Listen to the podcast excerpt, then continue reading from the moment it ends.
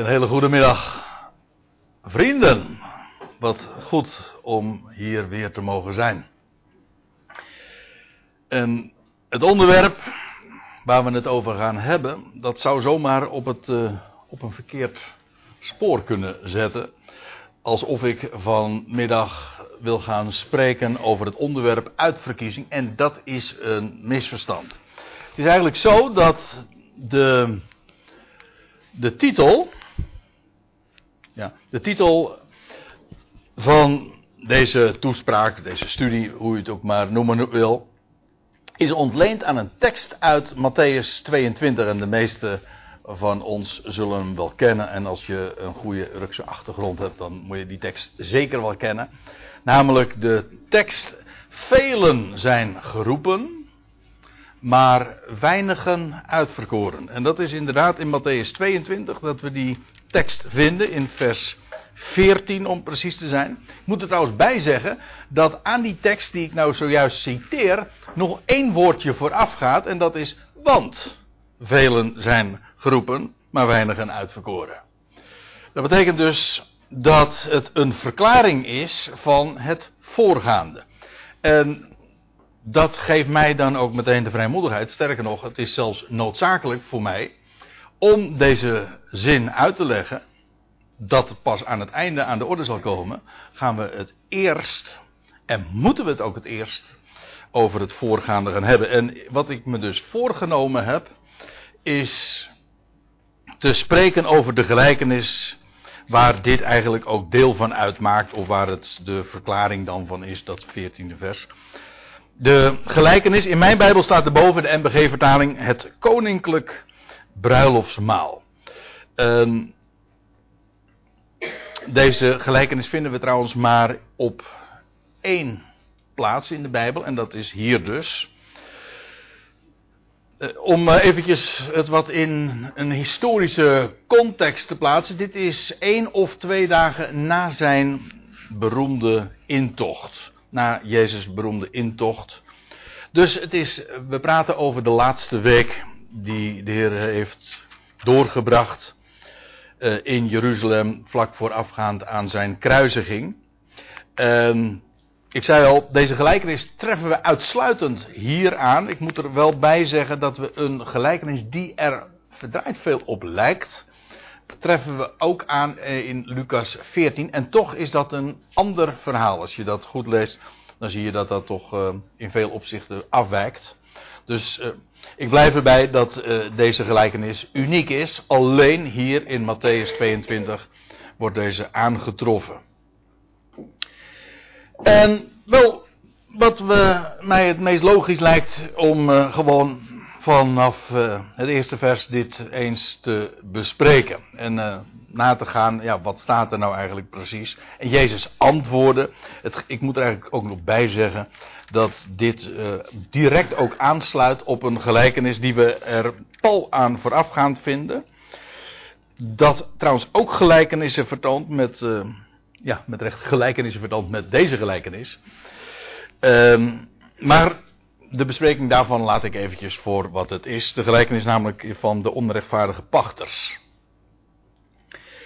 Maar hier hebben we onze handen vol aan, dus ik stel voor dat we ons daartoe beperken. En dan staat er in Jezus antwoorden en sprak weer in gelijkenissen tot hen. En hij zei, dubbele punt, maar eerst nog even dit. Hij sprak weer in gelijkenissen tot hen. Uh, dat is dus uh, bij herhaling. En sommige mensen die hebben het idee, ik, sterk nog, ik heb denk... Uh, heel vaak wordt dat zo ook gebracht van dat ja, in gelijkenissen spreken, dat deed de Heer dan om de dingen duidelijk te maken voor zijn publiek. En dus een hele logische manier, zoals een, eh, een, een schooljuffrouw die uh, gebruikt illustraties om iets duidelijk te maken. Dat ligt voor de hand om dat zo te benaderen. Dus dat de Heer dit, die gelijkenissen vertelde om iets duidelijk te maken. Maar de waarheid is dat het precies omgekeerd is. Als je tenminste, uh, als ik me dan even dan alleen maar beperk tot het Matthäus-evangelie, de uitleg lees en beluister die Jezus zelf heeft gegeven over waarom hij spreekt in gelijkenissen. Want die vraag waarom hij tot hen in gelijkenis sprak, tot hen, dat zijn trouwens de, de leidslieden, de bouwlieden, zo noemt hij ze trouwens ook. De, nou ja, er staat in vers 45 nog. En toen de overpriesters en de fariseeën zijn gelijkenis hadden gehoord, begrepen zij dat hij hen bedoelde. Dat was hen wel duidelijk. Nou ja, en dan vervolgens tot hen, dat zijn dus de overpriesters en de fariseeën. Waarna de vraag uh, vervolgens nog weer is, waarom sprak hij tot hen in gelijkenissen? En dan gaan we even terug bladeren, en namelijk naar Matthäus 13. Want daar worden we op onze wenken bediend. Jezus beantwoordt direct daar de vraag die ik nu eigenlijk ook opper, namelijk, uh, nou laat ik het voorlezen. En de discipelen die kwamen, en ze zeiden tot hem, waarom spreekt u tot hen in gelijkenissen? En die hen is hier misschien iets afwijkend van in, vers, in Matthäus 22, omdat het daar gaat over de hele schare in Galilea. Maar goed, waar, die vraag dus, waarom spreekt u tot hen in gelijkenissen? En dan lezen we, hij antwoordde en zei tegen hen, aan jullie is het gegeven te kennen, de geheimen of de verborgenheden van het koninkrijk van de hemelen, maar aan hen is dat niet gegeven. Ik moet er trouwens wel bij zeggen dat als hier staat van aan jullie is het gegeven, jullie, de discipelen dus, dat dat niet per se betekent dat het aan jullie nu meteen al uh, is, duidelijk is. Je leest wel vaker dat Jezus ook zegt van jullie zullen het verstaan na deze. Maar het gaat dus even niet om het tijdstip, maar om de groep. Je, aan jullie is het gegeven, ook al is dat pas op een veel later tijdstip. En eerlijk gezegd, denk ik en ik, kom, ik hoop dat straks ook nog wel nader duidelijk te maken, dat dat ook de gelijkenis betreft van Matthäus 22. Dat dat pas veel later aan de discipelen is duidelijk geworden wat de Heer daarmee bedoelde te zeggen. Want ik moet er trouwens ook nog bij zeggen dat uh, van veel gelijkenissen, lang niet allemaal, maar van veel gelijkenissen ontbreekt ook een uitleg.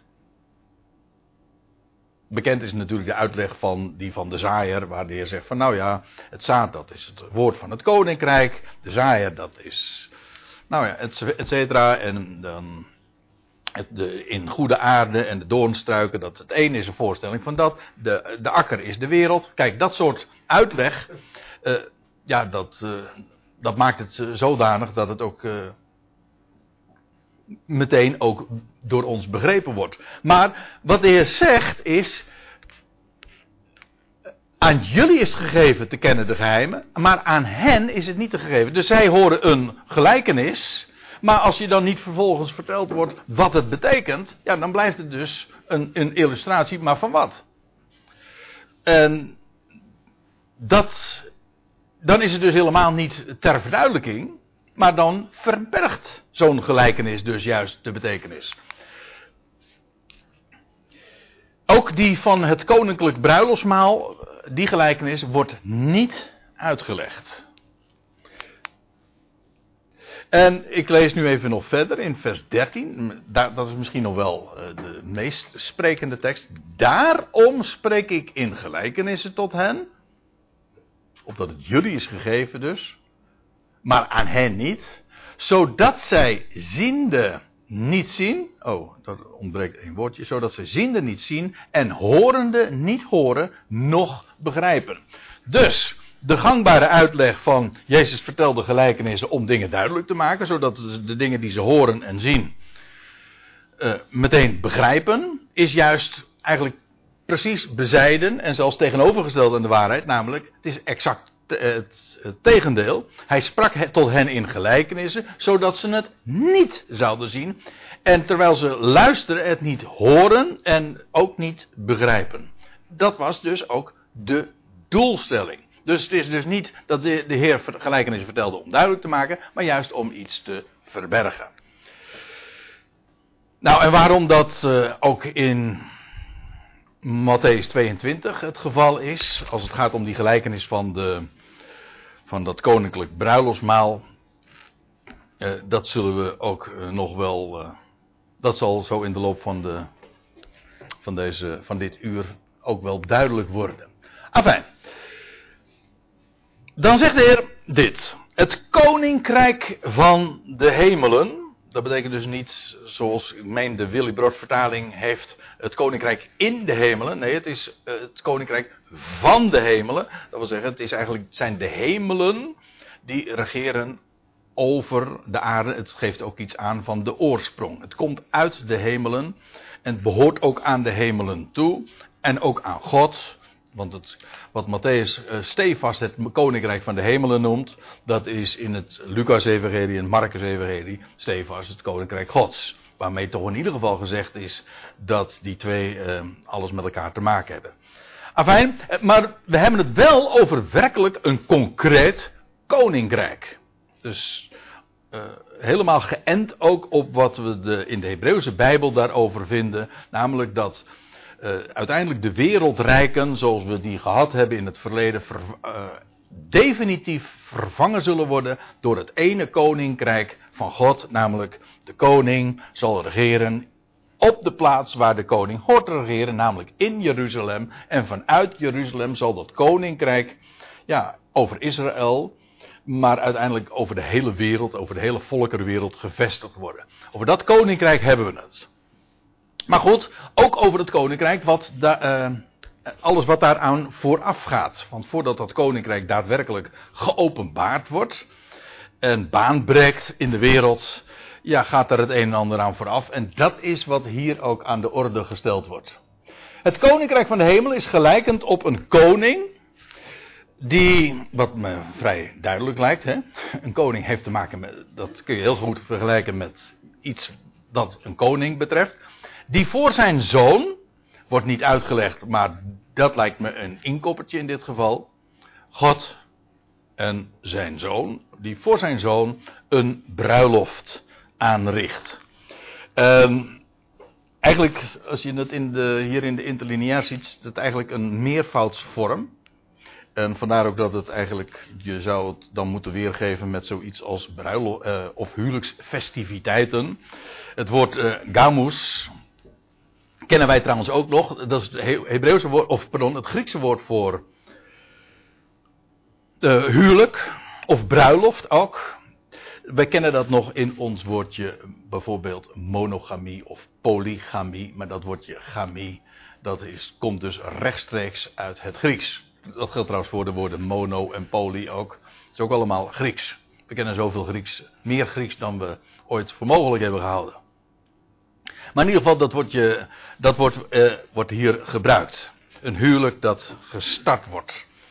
Vandaar dus een bruiloft. Ik moet erbij zeggen natuurlijk, en dat lijkt mij een heel evident gegeven. Het is een, een, een bruiloft is zo'n bekend beeld van het koninkrijk, het beloofde koninkrijk, dat hier op aarde zal worden gevestigd.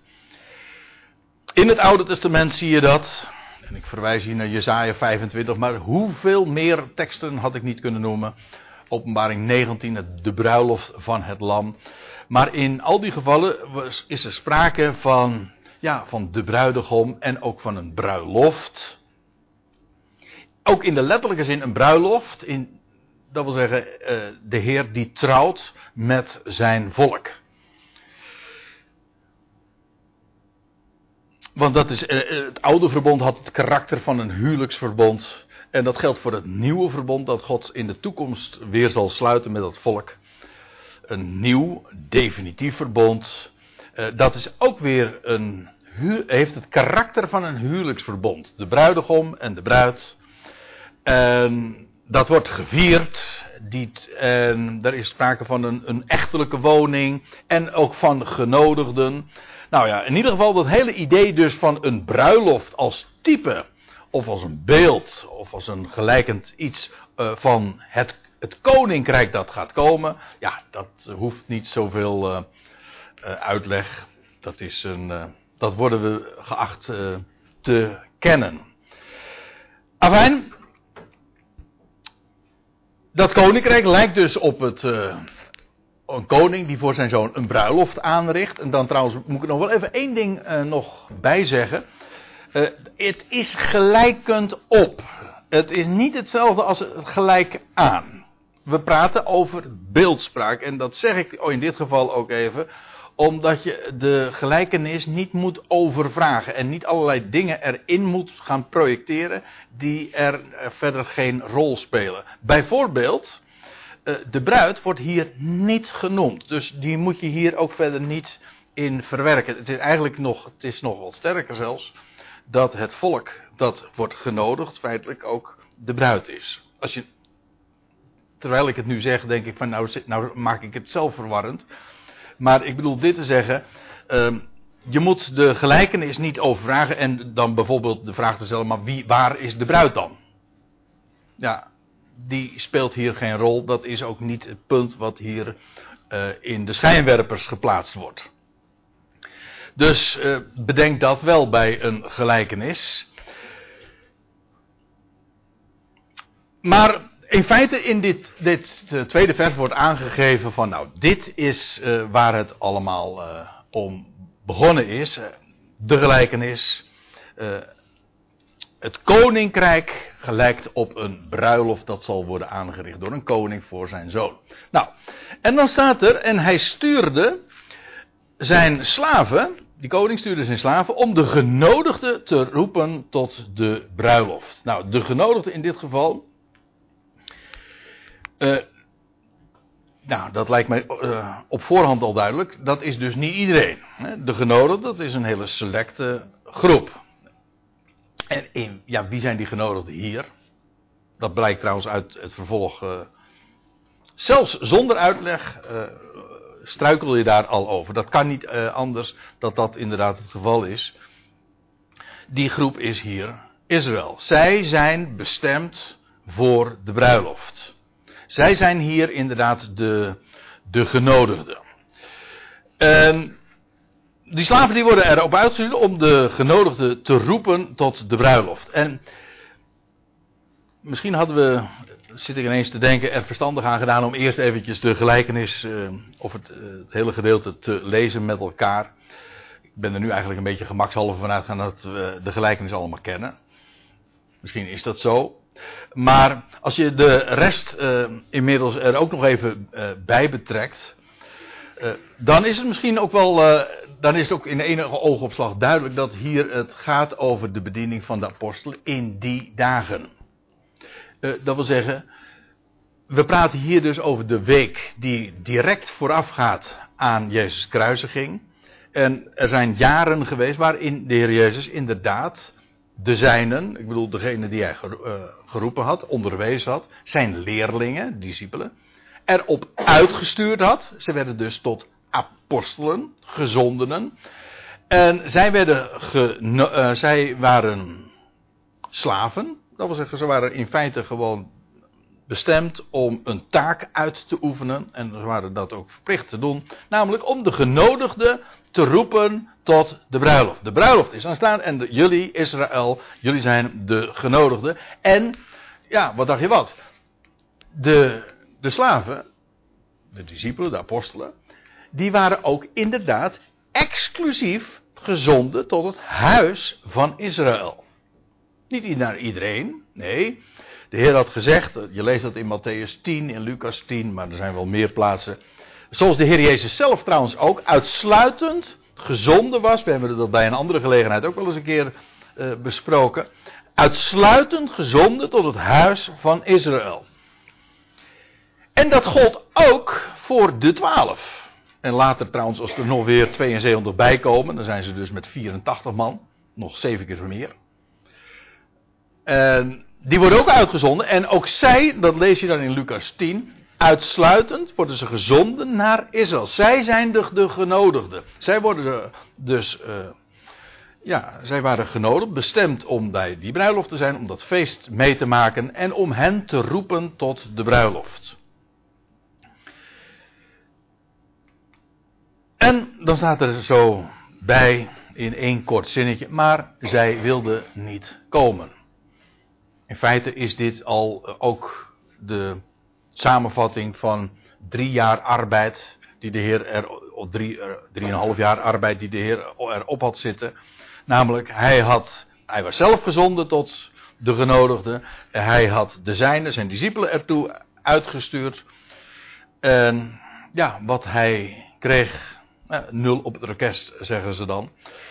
Eh, het duidt op de nationale afwijzing van Jezus' boodschap. Eh, en inderdaad, dat kon nu zo wel worden vastgesteld, want enkele dagen later zou Jezus zelf ook worden gekruisigd. Zij hadden, de Heer had zichzelf trouwens ook voorgesteld als de, de bruidegom. Je leest dat in Johannes 3 ook. Dat de Heer zegt van ja, uh, hij had Johannes de doper genoemd, de vriend van de bruidegom. Hij zegt ik, en ik ben de bruidegom. Ook dan is het niet helemaal duidelijk uh, wie, uh, bedoeld wordt met de bruid. Maar in ieder geval, hij is de bruidegom. Nou, dit is wat de reactie was van de genodigden. Zij die bestemd waren om daar te zijn, zij hadden geen interesse. Zij wilden niet komen. En dan staat er: Wederom stuurde hij andere slaven, zeggende: Zeg tot de genodigden: neem waar. Eerst even dit. Wederom stuurde hij andere slaven. Nu, dit is een tweede missie dus. Hè? Wederom. Dus eerst was daar een missie geweest om de genodigden op te roepen uh, tot de bruiloft. Of ja, te komen tot de bruiloft. Zij wilden niet komen. En nu opnieuw stuurt hij ze, eigenlijk feitelijk ook met een nieuwe missie. En daardoor ook in die, in die zin ook andere slaven. Uh, en wederom naar de genodigden toe te gaan. En dit, zoals die eerste missie spreekt van de, dat wat de apostelen hebben gedaan voor de kruisiging. Zo spreekt deze nieuwe missie, hè, wederom stuurde hij, spreekt van dat wat de apostelen hebben gedaan. Nu in een hele nieuwe bediening, nieuwe zendingsopdracht zeg maar. Om opnieuw naar de genodigden toe te gaan. Het eerste dus voor de kruisiging, het tweede na de opstanding van Jezus Christus. Dat blijkt ook wel, want uh, let, let, even op hoe het er dan geformuleerd wordt. Zeg tot de genodigde, neem waar. Mijn maaltijd heb ik gereed gemaakt, de stieren en de vetgemeste beesten zijn geslacht. En alles is gereed.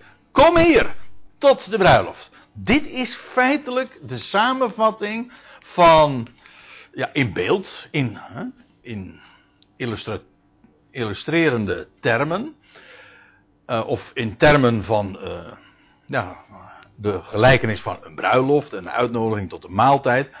Dit is in feite de samenvatting van de boodschap die de twaalf, uh, de apostelen, hebben gebracht in de dagen van het boek Handelingen. Al eerder hadden ze de, de, het volk uitgenodigd, maar nu opnieuw met dat verschil. Hier wordt nu benadrukt, alles is inmiddels ook gereed. De maaltijd heb ik gereed gemaakt. Alles is gereed. Alles is, ik zou haar zeggen, alles is volbracht. En dan is, de, dan is de boodschap van de twaalf, lees het maar na in het boek De Handelingen ook, dat, uh, dat ze zeggen van ja, jullie hebben Jezus gekruisigd, dat is waar, maar dat hebben jullie in onwetendheid gedaan, want zo heeft God in vervulling doen gaan wat hij bemonden van zijn profeet al had gesproken, namelijk dat de Christus moest lijden en sterven en nou ja, uh, zulke woorden. Met andere woorden, dat moest gebeuren. Nu is alles gereed en Jezus is inmiddels daadwerkelijk ook de Christus geworden. Eigenlijk voor zijn kruisiging was dat allemaal nog wat prematuur taalgebruik. Want hij, hij, hij werd juist de Christus door zijn opstanding uit de doden. Toen heeft God hem tot Heer en Christus gemaakt. Nu was alles gereed. En de, en de oproep in het boek de Handelingen is altijd, en heel karakteristiek vind je dat in Handelingen 3, dat Petrus ook op het tempelplein zegt tegen de genodigden, kom tot berouw, kom tot bekering, of tot omdenken, hè, opdat uh, de Christus die nu in de hemel is, terug zal keren en, en dan zullen alle beloften die gedaan zijn aan het volk door de profeten in vervulling gaan. Kortom, dan zou het koninkrijk daadwerkelijk hier op aarde aanbreken. De bruiloft is er. En die zou dan inderdaad uh, aanvangen. Dat is dus ook de unieke prediking in het boek De Handelingen. En let op, die was bestemd voor Israël. Je leest trouwens in datzelfde Handelingen 3 waar ik zojuist uit citeer, dat eh, Petrus ook zegt dat eh, God in de eerste plaats voor jullie, en dan zegt hij adresseert het dus tot zijn volksgenoten, tot Israëlieten, voor jullie in de eerste plaats de Christus heeft opgewekt.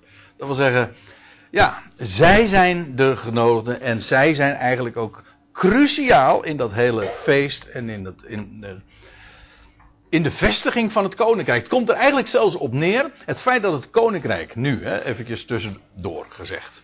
Het, feit dat het koninkrijk nog steeds niet is aangebroken op aarde, heeft te maken met wat Israël 2000 jaar geleden heeft gedaan. Namelijk, bij herhaling heeft ze uh, de Messias, hun Messias, afgewezen. Net zo goed als dat het koninkrijk straks. Nou loop ik een beetje vooruit natuurlijk. Het koninkrijk het straks uh, daadwerkelijk uh, geopenbaard gaat worden. Juist doordat Israël dan wel tot bekering zal komen. Alles heeft uh, te maken. De, het lot van de wereld is eigenlijk in handen. Als ik het zo mag zeggen. Is direct gekoppeld, laat ik het iets voorzichtiger zeggen. Is direct gekoppeld aan de reactie van Israël. Goed, we lezen verder. Maar uh, dit, dit, was dus de, de, tweede keer dat de slaven erop uitgestuurd worden. Nu, uh, met dat verschil dat nu inmiddels echt daadwerkelijk ook alles gereed is. En dan is de reactie uh, dezelfde. Nou, het gaat eigenlijk nog veel verder. Daar staat er, zij bekommerden zich er niet om. En ze gingen heen, de een naar zijn veld en de ander naar zijn handelswaar.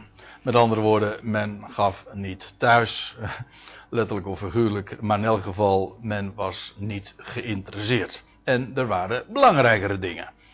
Het werk enzovoorts. Ze bekommerden zich domweg niet om deze uitnodiging. Het gaat zelfs nog veel verder. Het is, een heel, het is extreem. Er staat er de overige nu, namelijk van de genodigden dus. Hè? Daar praten we over. Dus het is niet alleen dat men de uitnodiging in de wind slaat, voor, bij herhaling. Maar ook eh, doen ze nog iets anders met degene die de uitnodiging deden uitgaan, namelijk de slaven. De overigen nu grepen zijn slaven en beledigden. En BG zegt ze mishandelden. Eh, maar goed, eh, het, het eind van het liedje is, ze doden hen zelfs. En dat is precies ook wat er is gebeurd met ja, de slaven. Ik bedoel, met degenen die erop uitgestuurd waren om de genodigden op te roepen tot de bruiloft te komen. Dit is uh, het lot van de twaalf apostelen, de genodigden. Uh, ze werden gehaat en zelfs omgebracht, eigenlijk ook zonder uitzondering, uh, door het volk, door Israël. De vijandschap eh, die, de, die zij ondervonden, kwam inderdaad van Israëls kant, de genodigden. Dus het is niet alleen maar een, het afwijzen van de uitnodiging. Het gaat nog veel verder. Namelijk, ze hebben zelfs zijn slaven eh, beledigd en gedood. Nou, dat gaat heel ver. Wat ook heel ver gaat is trouwens vervolg, want dan staat er. Maar de koning, oh, nog een foutje, werd boos. En dat kan ik me voorstellen. Hm? Als, als dat dan gebeurt. En, maar goed, het is het verhaal. De koning werd boos. En hij zond zijn legers. En bracht die moordenaars om. En staat erbij, hun stad stak hij in brand. Kijk, als je het verhaal gewoon leest in termen van een koning en een maaltijd en een uitnodiging, dan, dan, gaat dit, dan is dit eh, zo uh, extreem. Maar op het moment dat je de gelijkenis ziet, hè, de link kan leggen met wat er daadwerkelijk gebeurd is, dan is het ineens niet meer extreem. Dat is namelijk precies ook wat er heeft plaatsgevonden. Eerst de uitnodiging voor de kruisiging ging uit. Geen interesse. Vervolgens de slaven werden erop uitgestuurd. Toen was alles gereed. En wat er gebeurde is, in de dagen van het boek Handelingen, de, de, de slaven zijn gedood, uiteindelijk zelfs. En bovenop het, het miskennen en, het, uh, en de desinteresse in de uitnodiging. Notabene, daar moet ik eigenlijk nog even bij zeggen. Moet je ook nog even bedenken. Zij waren genodigden. Dat waren ze feitelijk al. Uh, dat had ik eigenlijk eventjes al eerder moeten aangeven. toen ik het had over dat de genodigden geroepen werden. Kijk, zij waren al genodigden. Gewoon in de dagen zeg maar, van de profeten. Uh, Israël wist van ja, wij zijn cruciaal en, en, nemen de eerste plaats in bij dat, dat feest wat gaat beginnen straks. Zij waren al genodigd en dan vervolgens, in, als de Messias daadwerkelijk dan gekomen is, ja, dan worden ze ook de, de genodigden geroepen. En nog een keer geroepen als het echt helemaal gereed is. En dan, nou ja, de reactie van desinteresse, afwijzing van de uitnodiging en zelfs dus het ombrengen van degene die dit deden uitgaan. Nou, en dan is uh, dit de reactie. En dit, ik zei al, dit is precies ook wat er is gebeurd in die dagen, de dagen van de eerste eeuw van onze, uh, van, uh, van onze jaartelling. Want wat er gebeurt, wat er gebeurde is dat er legers zijn gekomen. En die hebben de moordenaars. Ja, in, in dit geval ook de moordenaars van al die slaven. Hè, van de apostelen. Die hebben, uh, zijn omgebracht. Het Joodse volk is inderdaad. Uh, eigenlijk de Joodse staat is toen de ook. Uh, min of meer vernietigd. En in elk geval de hele stad. is compleet in vlammen opgegaan. De tempel is afgebroken. Er is geen steen op de andere gebleven. En dat is precies wat 40 jaar later heeft plaatsgevonden. Ik bedoel 40 jaar na de dood van de Heer. Eigenlijk, als we. Ik ga er even vanuit dat de Heer is gestorven in het jaar 30 van onze jaartelling. En precies 40 jaar later, een getal wat trouwens nogal cruciaal is. Maar precies 40 jaar later is uh, de stad daadwerkelijk inderdaad in de brand gestoken. Helemaal. En de tempel afgebroken. En een gigantisch bloedbad heeft er toen plaatsgevonden. Als ik me niet vergis, zelfs anderhalf miljoen Joden zijn toen in de stad omgekomen. Dat is gigantisch geweest. De Romeinen zijn toen gekomen en ja, dat is het lot geweest uh, van de ja, de Joodse staat toen de tijd en van de, de stad Jeruzalem en van de tempel in die dagen. Dus uh, afschuwelijk geweest wat er toen heeft plaatsgevonden. Nou, uh, en dan? Wat uh, blijft het daarbij? Hoe zit het nou met die, die bruiloft? En nu worden we eigenlijk verplaatst naar de toekomst wat er uiteindelijk gaat gebeuren. Maar lees even met me mee. Toen zei hij tegen zijn slaven: De bruiloft is wel gereed, maar de genodigden waren het niet waardig. Ja, eigenlijk in dubbele zin. De uitnodiging was hen niet waardig. Je kunt ook zeggen, zij waren de uitnodiging niet waardig. In beide, en, beide is waar. Want juist, uh, en dit tweede is waar vanwege het eerste. Zij waren de uitnodiging niet waardig omdat zij de uitnodiging zelf uh, hebben, ja, daar geen interesse in toonden. Niettemin, dat feest gaat door. De bruiloft is gereed. En dan staat er, ga dan op de, ga dan op de kruispunten van de wegen. Zo staat het eigenlijk letterlijk. De, of de knooppunten hier staat eigenlijk een woord, die Exodus. En het woordje, dat laatste deel kennen we natuurlijk allemaal, Exodus. Want dat betekent letterlijk de uittocht. En dit woord, als je dat in de. komt maar één keer voor in het Nieuwe Testament. Maar het heeft dus iets te maken met uitgang en dat heeft te maken met de, de, het knoop, ja, de knooppunten van waar de, de wegen uh, uitkomen. Of, of waar daar waar het plein, daar waar men de, de stad uitgaat. Ga er naartoe. En roep zoveel als jullie maar vinden tot de bruiloft. Kijk.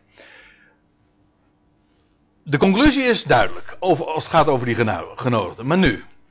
Uh, ga erop naar de kruispunten van de wegen. En roep zoveel als jullie maar vinden tot de bruiloft. Dit is wat we in de nabije toekomst gaat gebeuren. Eigenlijk de hele tijd waar wij nu in leven, ik kom daar straks aan het eind nog eventjes op terug, die wordt uh, min of meer geskipt. Want nu worden we bij die laatste uitzending uh, verplaatst naar de toekomst. Namelijk naar de dag dat de bruiloft daadwerkelijk gaat aanbreken. Dat zullen we zo direct uh, ook zien. En wat er gaat gebeuren straks als de bruiloft gaat aanbreken, daadwerkelijk, ik, ik, bedoel, het koninkrijk gaat gevestigd worden op deze aarde. Wat gebeurt er dan? Daaraan voorafgaand, in het einde van deze aion, vlak voorafgaand aan de toekomende aion, dan zal het evangelie van het koninkrijk in heel de wereld worden gepredikt. We lezen nu in Matthäus 22, maar als je dat in Matthäus 24 leest, dan, ja, dan bevindt de Heer zich op de Olijfberg en dan, dan kijkt hij uit op de, de stad en de tempelplein. En dan spreekt hij ook over, ja, dat was de vraag ook, het einde van deze aion. En dan zegt hij dat uh, dit evangelie van het koninkrijk zal in heel de wereld tot een getuigenis voor alle volkeren worden gepredikt. Dus zonder uitzondering. Heel de wereld, wie het maar horen wil, zoveel als jullie maar vinden, uh, die worden dan uitgenodigd tot de bruiloft. Die bruiloft gaat hoe dan ook uh, beginnen, of uh, ja, aanbreken. En die zal gevierd worden. En nu uh, is het een, eigenlijk een derde uitzending. De succesvolle, want nu, dit is de laatste uitzending. Nu gaat de bruiloft ook daadwerkelijk aanvangen. En roep zoveel als jullie maar vinden tot de bruiloft. En die slaven gingen uit naar de wegen. En ze verzamelden allen die zij vonden. En dan staat erbij bozaardigen zowel als goeden. Dus het maakt uh, geen enkel verschil. Ieder werd daarvoor uitgenodigd. Uh, en dus niet meer alleen in de stad, maar gewoon ieder die ze maar konden vinden. En, en ieder die het maar wilde. En staat er dan bij. En de bruiloft werd vol van hen die, aanla, die aan tafel aanlagen. Aha. Kijk, ik zei al, deze, die eerste twee uitzendingen bepalen ons bij het verleden. De eerste uitzending, zeg maar, van die slaven, dat was in de dagen van de, van de evangelie, voor de kruisiging. De tweede uitzending was toen in de dagen van het boek Handelingen, toen Israël geconfronteerd werd, wederom met de uitnodiging. En nu deze derde uitzending, ja, die gaat direct vooraf aan het daadwerkelijk aanbreken van het koninkrijk, oftewel het begin van de bruiloft. Want die bruiloft werd vol van hen die aan tafel aanlagen. Want u weet, men lag aan, aan tafel. Heel comfortabel eigenlijk, veel comfortabeler dan wij dat gebruikelijk zijn te doen. Wij zitten. Maar, uh, afijn, waar het om gaat is, die bruiloft werd alsnog vol. En dit spreekt dus van uh, de aanvang van de toekomende eeuw, de toekomende aion, dat toekomende wereldtijdperk, dat, ja, een, dat, dat als een bruiloft gevierd zal worden. Dan hebben we nog een deel, een scène die, waar het uiteindelijk ook mee afsluit. En dan staat er dit. Toen de koning nu binnenkwam, opnieuw trouwens weer een term die direct ons doet denken aan, ja, aan het arriveren van de koning in de bruiloftzaal. En dat heeft ook alles weer te maken met zijn parousia, zijn presentie. Dan breekt de bruiloft aan. De koning is daar ook daadwerkelijk present. En toen de koning nu binnenkwam om die aan de tafel aanlagen gade te slaan, nam hij een mens waar die geen bruiloftskleding aangetrokken had. Uh, termen als deze vind je ook uh, in, uh, bij de profeten. Ik denk, ik, ik, ik vond er zo een paar in Jezaja 61. Daar wordt er gesproken uit de MBG-vertaling. De klederen des heils. Of de kleding van het heil of van de redding. De mantel van gerechtigheid. Of een lofgewaad. Hè? Hoe staat het er? Een mantel van rouw zal plaatsmaken voor een lofgewaad. Nou ja, dat zulke terminologie doet hier meteen aan denken. Feestkleding. Als je naar een feest toe gaat, dan, maak, dan zorg je ervoor dat je kleding uh, daarbij passend is. Deze man, die had, uh, deze, deze mens, had geen bruiloftskleding. En ja, je zou je de vraag kunnen stellen: wat doet hij daar nou eigenlijk? En dat is niet alleen de conclusie die ik trek, maar dat was de, die conclusie trok de koning ook. En hij zei tot hem: Kameraad, hoe, hoe kwam jij hier binnen zonder bruiloftskleding? En dat hoe heeft hier ook de gedachte, dus betekent niet van via welke deur of zo, maar uh, met welk motief dan wel? En staat er, hij verstomde. Ja, waarom? Hij, hij had niks te zeggen, hij kon niks zeggen, of hij was te trots om iets te zeggen. En eerlijk gezegd denk ik vooral in het laatste, in, in termen van het laatste. Want, maar dat blijkt uit de reactie. Hij was in elk geval niet voorbereid op het feest, dat lijkt me duidelijk. En dus had hij daar ook niks te zoeken. En nou lees ik even verder. Toen, en we komen steeds dichter bij uiteindelijk de titeldia. Hè? De, uh, maar ook deze, dit dertiende vers, dat heeft. En de termen die daar gebruikt worden, die hebben al voor heel wat hoofdbrekens gezorgd. Ik wil er graag wel toch wat over zeggen. Dat is, is dit. Dan staat er, toen zei de koning tegen de bediende, bind zijn handen en zijn voeten. Die is dus zeer verbolgen over het feit dat deze bewuste man daar uh, binnen is. Die hoort daar helemaal niet. Werp hem uit in de buitenste duisternis. En die term vinden we nog eens een keer in de Evangelie. De buitenste duisternis.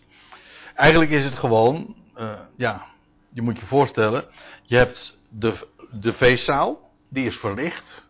En als je daaruit gaat, ja, dan ben je dus in de duisternis buiten. En als je helemaal buiten komt, dan heb je helemaal geen uh, verlichting meer. Dus is het pik en pik donker. Dus het is buiten de verlichte feestzaal. De terminologie de buitenste duisternis is dus gekoppeld aan, aan de verlichte feestzaal.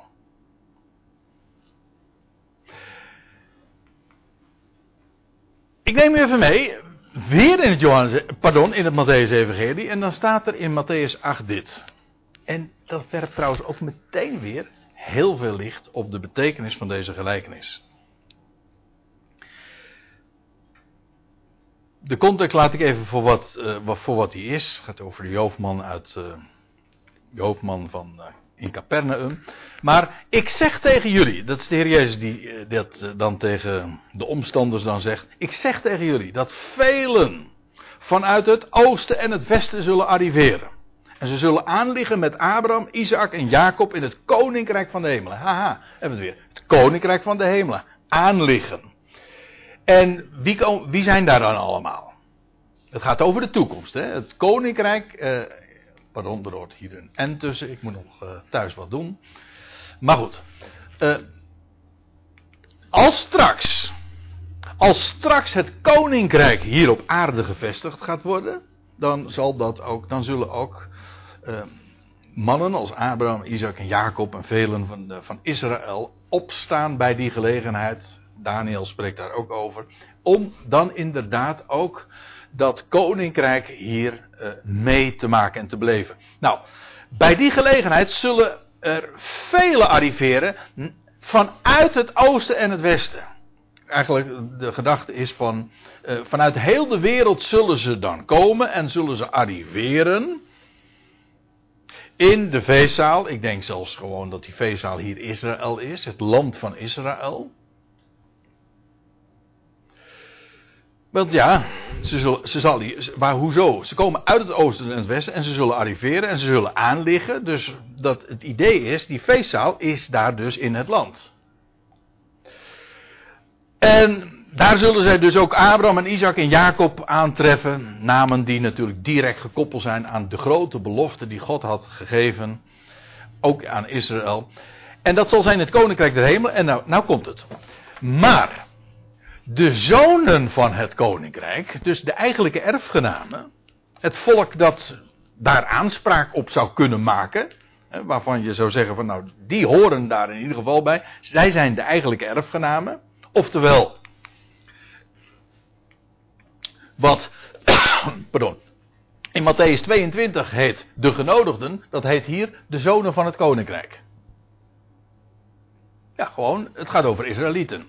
Ze zullen komen van oost en west, vanuit de hele wereld. Maar de zonen van het koninkrijk zullen buiten geworpen worden.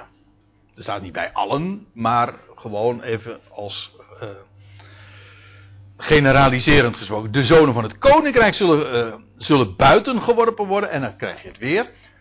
Tot in de buitenste duisternis. En dan staat erbij ook wat we in Matthäus 22 ook vinden, daar zal het weggeween zijn en het knarsen van de tanden. Waar het hier om gaat is in feite dezelfde gedachte als in Matthäus 22, namelijk dat de genodigden Israël zullen er niet bij zijn, althans uh, velen zullen daar ontbreken, terwijl ze juist van oost en west wel zullen komen en dat zullen meemaken. En ja, zij dachten misschien van ja, maar wij, wij maken aanspraak op het koninkrijk en wij zijn de eigenlijke erfgenamen. Ja, en zij zullen buitengeworpen worden. Maar dat is pijnlijk. Het, kun je trouwens ook een beetje voorstellen wat uh, de, hoe de Heer met zulke woorden aangeschopt heeft tegen de schenen van de leidslieden en van het volk in het algemeen trouwens. Door te zeggen van ja, de natieën, velen zullen komen en eh, dan dat koninkrijk, dat, die feestelijke maaltijd of die bruiloft meemaken. Maar degenen die dachten dat het voor hen was, die zullen buitengeworpen worden. Dat is, uh, dat is pijnlijk. En die zullen buitengeworpen worden. En die zullen dus niet het licht, eh, het verlichte feest meemaken. Maar zullen buiten staan in het donker, in het duister. En daar zullen ze, daar zal het geween zijn. Uh, het gehuil. Namelijk de, ja, het, het verdriet van het feit dat zij nu, uitgerekend zij, de genodigden, degene die de eerste aanspraken uh, meenden te kunnen maken zullen buiten staan. Daar, daar zullen ze buiten staan. Daar zal het geween zijn. En het knersen of het knarsen van de tanden. Een term trouwens die altijd wordt uitgelegd als um, een uiting van pijn. Of altijd. Eh, ik heb het zo altijd begrepen en ik heb het, voor zover ik daar uitleggingen over hoorde, was het meestal de gedachte van ja, daar zal knersen van tanden van de pijn. Maar als je dat nou eens een keer na gaat kijken, waar die uitdrukking gebezigd wordt, en de, hel, de duidelijkste vind ik in Handelingen 7, vers 54, dan zie je dat het uh, niet gaat over pijn, maar over woede. Als je woedend bent, dan ga je de tanden knarsen. Uh, je leest, ik verwijs naar Handelingen 7, daar gaat het over de, over de leidslieden, het Sanhedrin, dat bij die gelegenheid Stefanus ombrengt en stenigt. En dan lees je dat Stefanus trouwens ook strimmende woorden uitspreekt. En dan lees je, en. Nou, nou moet even lezen.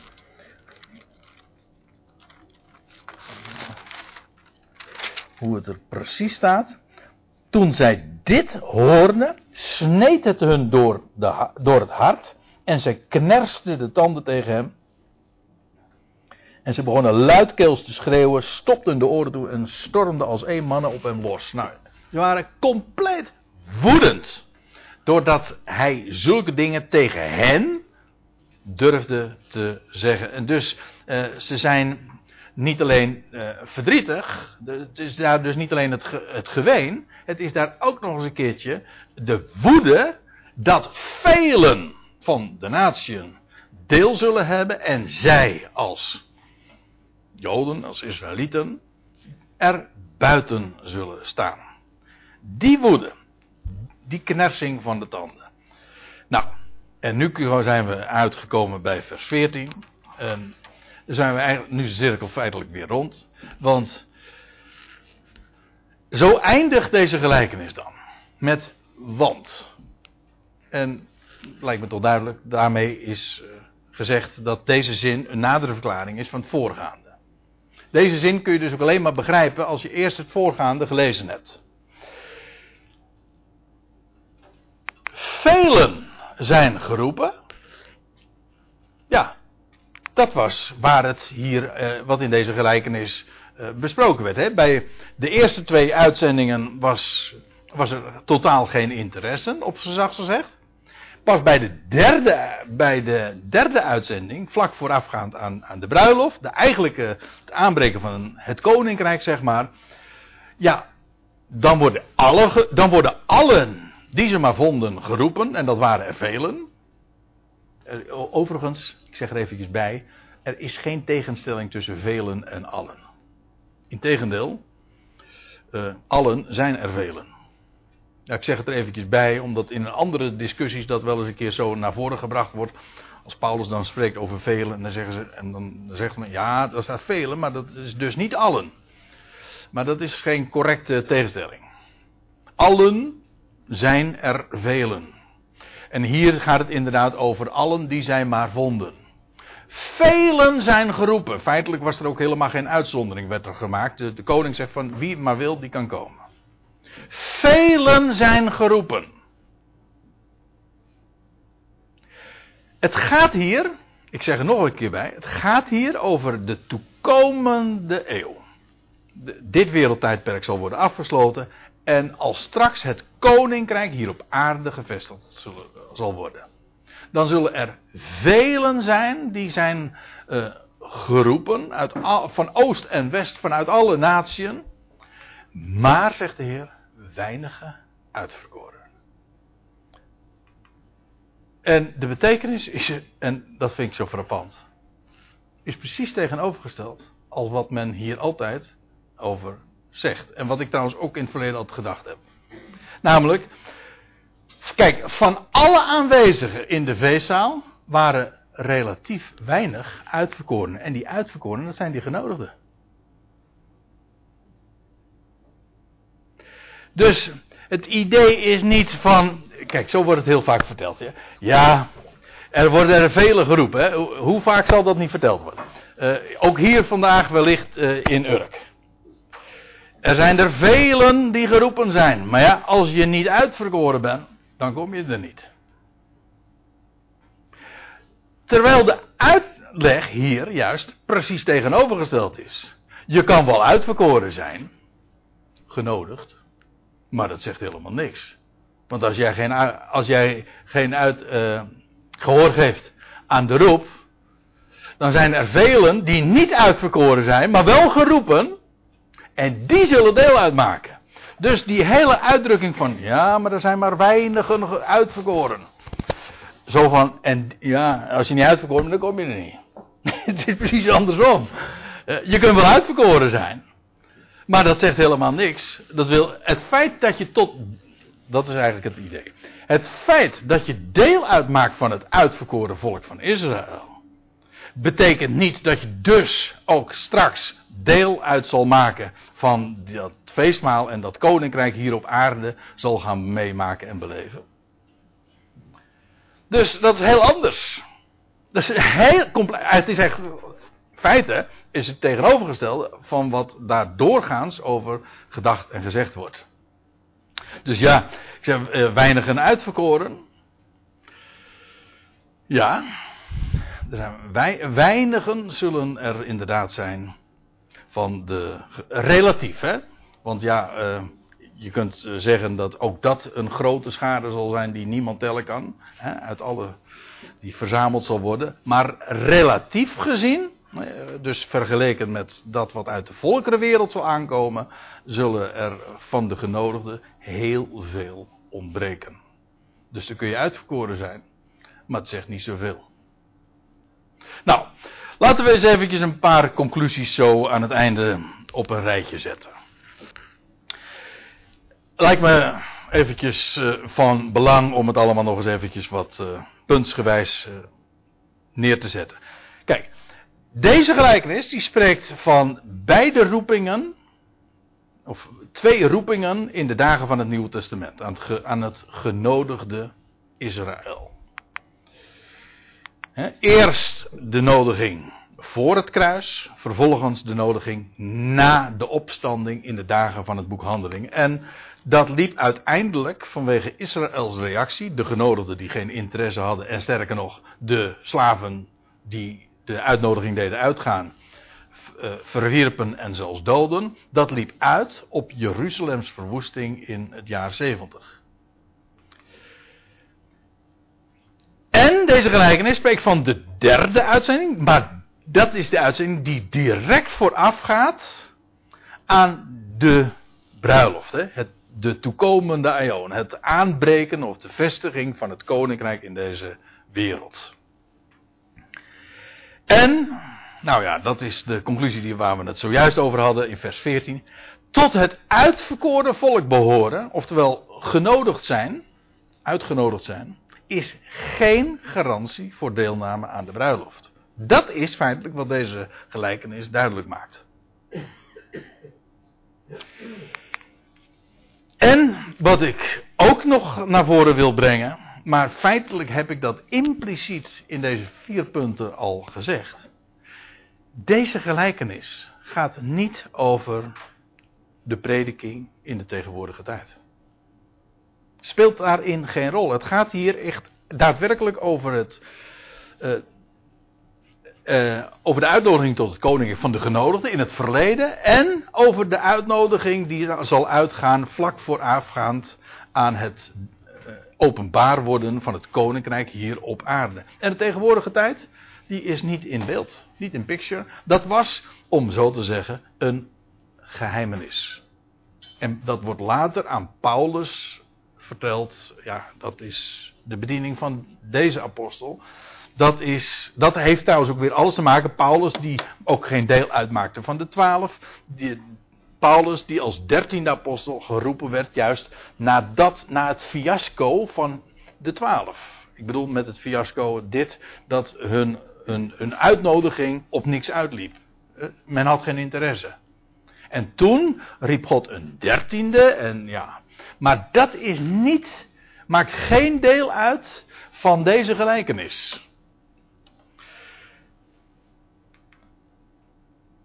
En je zou eigenlijk het zo mogen zeggen. Uh, wij maken uh, uh, geen deel uit van die slaven. Wij zijn, maken feitelijk, dat is, dat is dan Paulus' boodschap.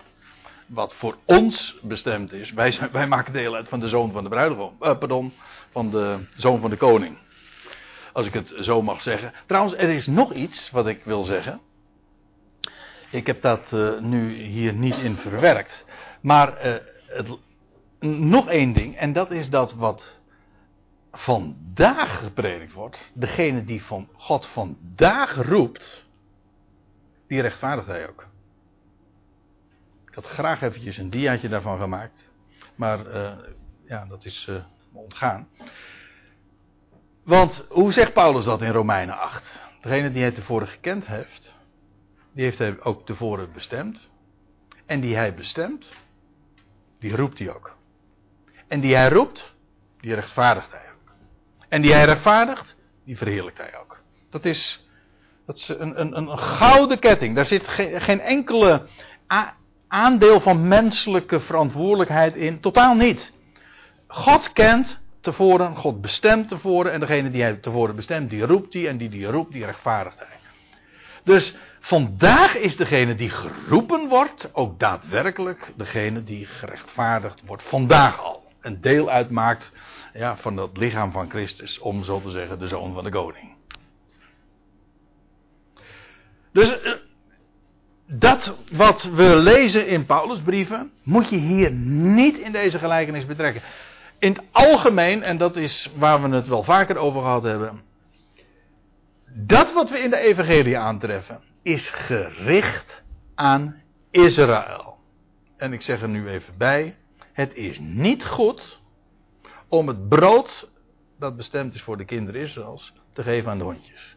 Je moet dit niet uh, buiten zijn context plaatsen. Dat wat in de Evangelie gesproken is, is geadresseerd aan Israël en kan ook alleen maar in dat kader uh, geplaatst worden. En die bruiloft, ja, dat is die toekomende eeuw.